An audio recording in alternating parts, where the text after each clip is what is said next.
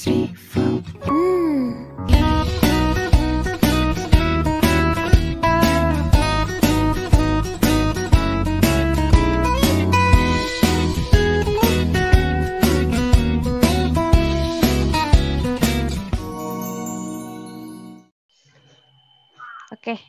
eh, kita mulai dari pertanyaan pertama aja kali ya. Eh, pertanyaan pertama, awal mula terbentuknya uh, proud foodism ini gimana ya? Maksudnya uh, gimana sih komunitasnya bisa jadi besar seperti sekarang? Oke, uh, jadi uh, proud foodism itu awalnya di tahun 2019. Itu sebenarnya cuma uh, coba-coba aja sih ya untuk apa pingin banget bikin akun yang eh, pengen edukasi masyarakat lah pengen edukasi masyarakat terkait dengan makanan gitu. Karena banyak banget hoax yang beredar di masyarakat ya terkait dengan makanan gitu. Dan waktu itu eh, alhamdulillah eh, ada satu alumni eh, HMPPI ya kalau tahu tuh namanya Himpunan Mahasiswa Peduli Pangan Indonesia.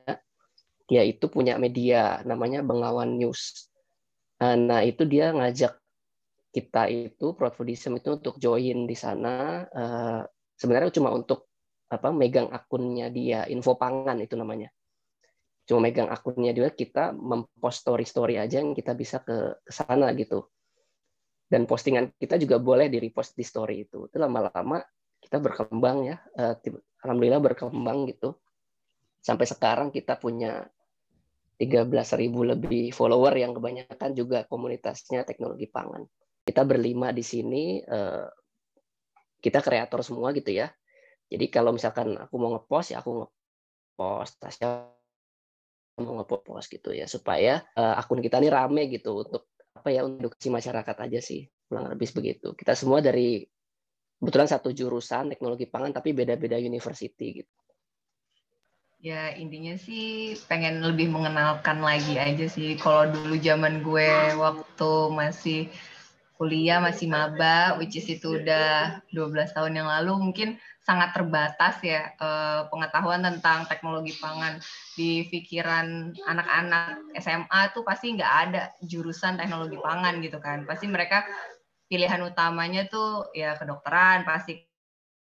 Mungkin yang eh, ilmu-ilmu yang dasar eh, kimia, biologi, fisika yang kayak gitu-gitu tapi teknologi pangan tuh belum banyak dikenal. Makanya mungkin dengan berkembangnya sosmed sekarang juga ya itu jadi cara gitu kan untuk kita uh, memperkenalkan ya salah satu teknologi pangan. Terus kita juga kasih tahu sebenarnya ilmu ini tuh uh, banyak gitu. Maksudnya hal-hal yang bisa digali dan nggak terbatas dan banyak juga yang tadi uh, sosok yang terkait pangan tuh juga banyak banget dan itu tuh terus bergulir gitu dan misalnya sekarang keluar bisa dua tahun lagi tiga tahun lagi keluar lagi yang kayak gitu-gitu kan yang harus di counter ya mau nggak mau dengan hal-hal yang viral lagi gitu.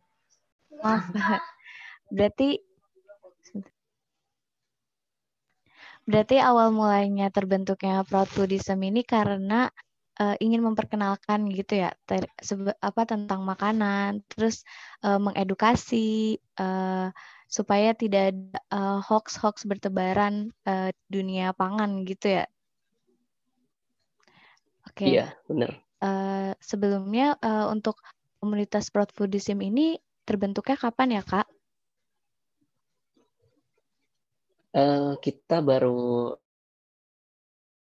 settle itu 2020 lah 2019 itu baru uh, ada akunnya sudah terbentuk cuman kita baru settle jadi tim itu yang kuat itu solid di tahun 2020 sih. Karena pandemi ini juga ya.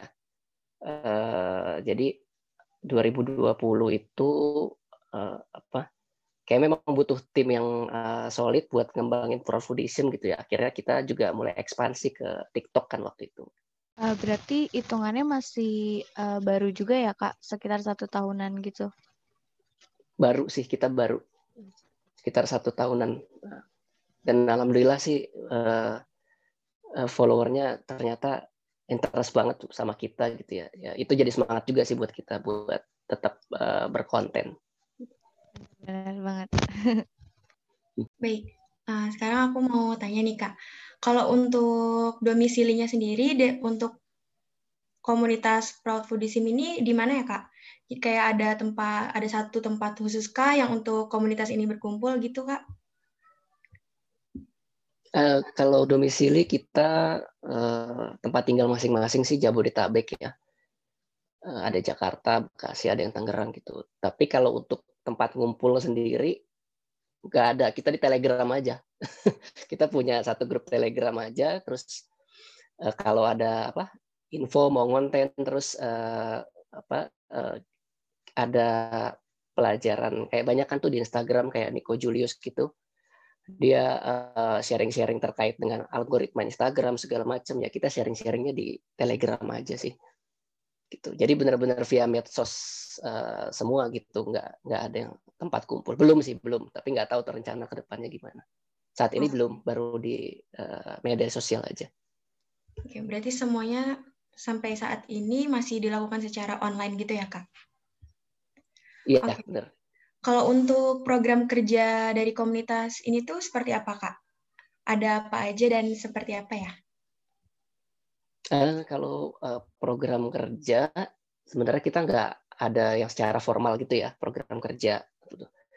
Tapi kita uh, yang pertama ya, pastinya kita edukasi lewat media sosial itu sih intinya untuk program kerja kita edukasi via media sosial terkait dengan makanan. Instagram sendiri yang kita mulai memang kita mulai dari Instagram gitu. Baru kita mau ekspansi ke TikTok terus nextnya mungkin kita mau ke podcast gitu ya uh, mau ke podcast dan kemudian nanti next nextnya lagi kita belum tahu.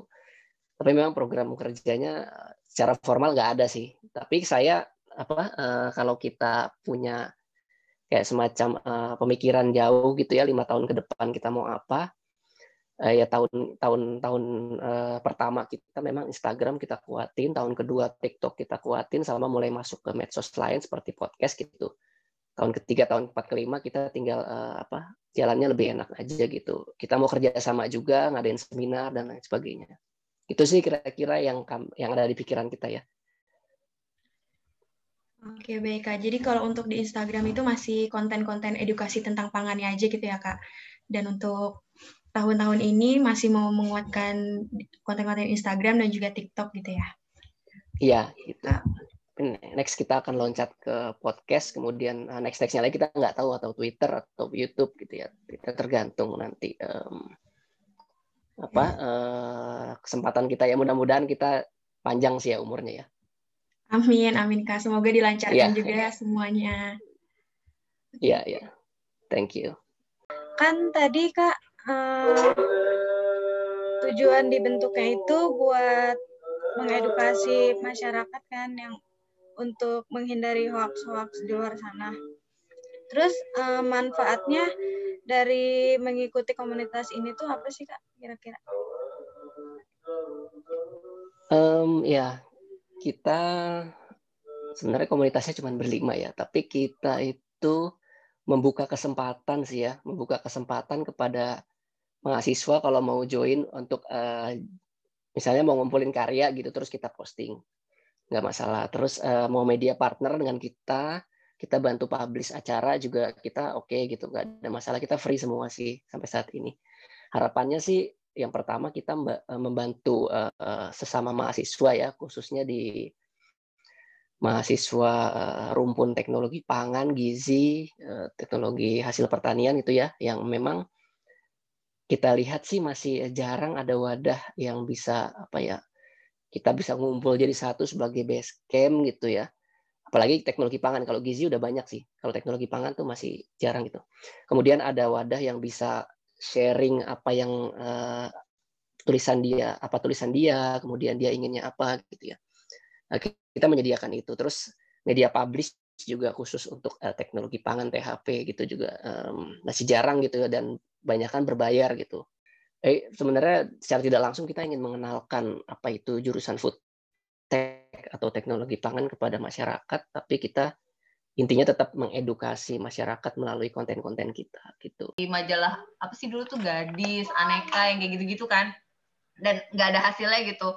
Uh, acara kita nggak kepromosiin, terus juga uh, cuma numpukin proposal di meja mereka doang gitu kan dan ya kebayang lah itu susahnya dulu zaman kita masih ya mau mempromosikan acara kita supaya booming supaya banyak yang ikut supaya pendaftarannya banyak itu kan susah banget.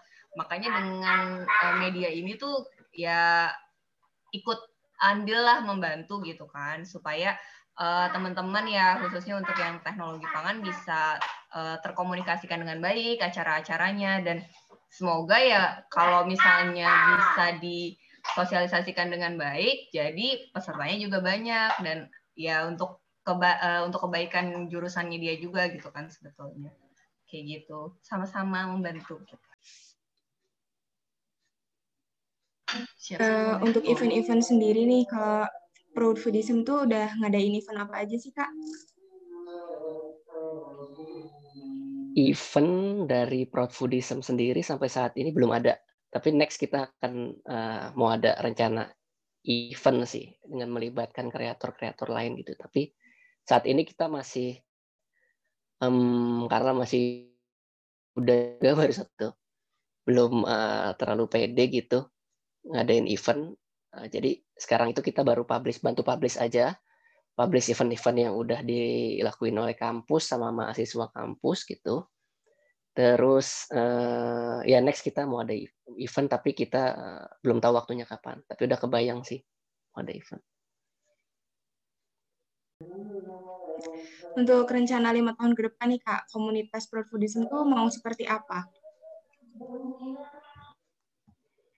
Uh, yang jelas uh, tetap berkarya di media sosial gitu ya.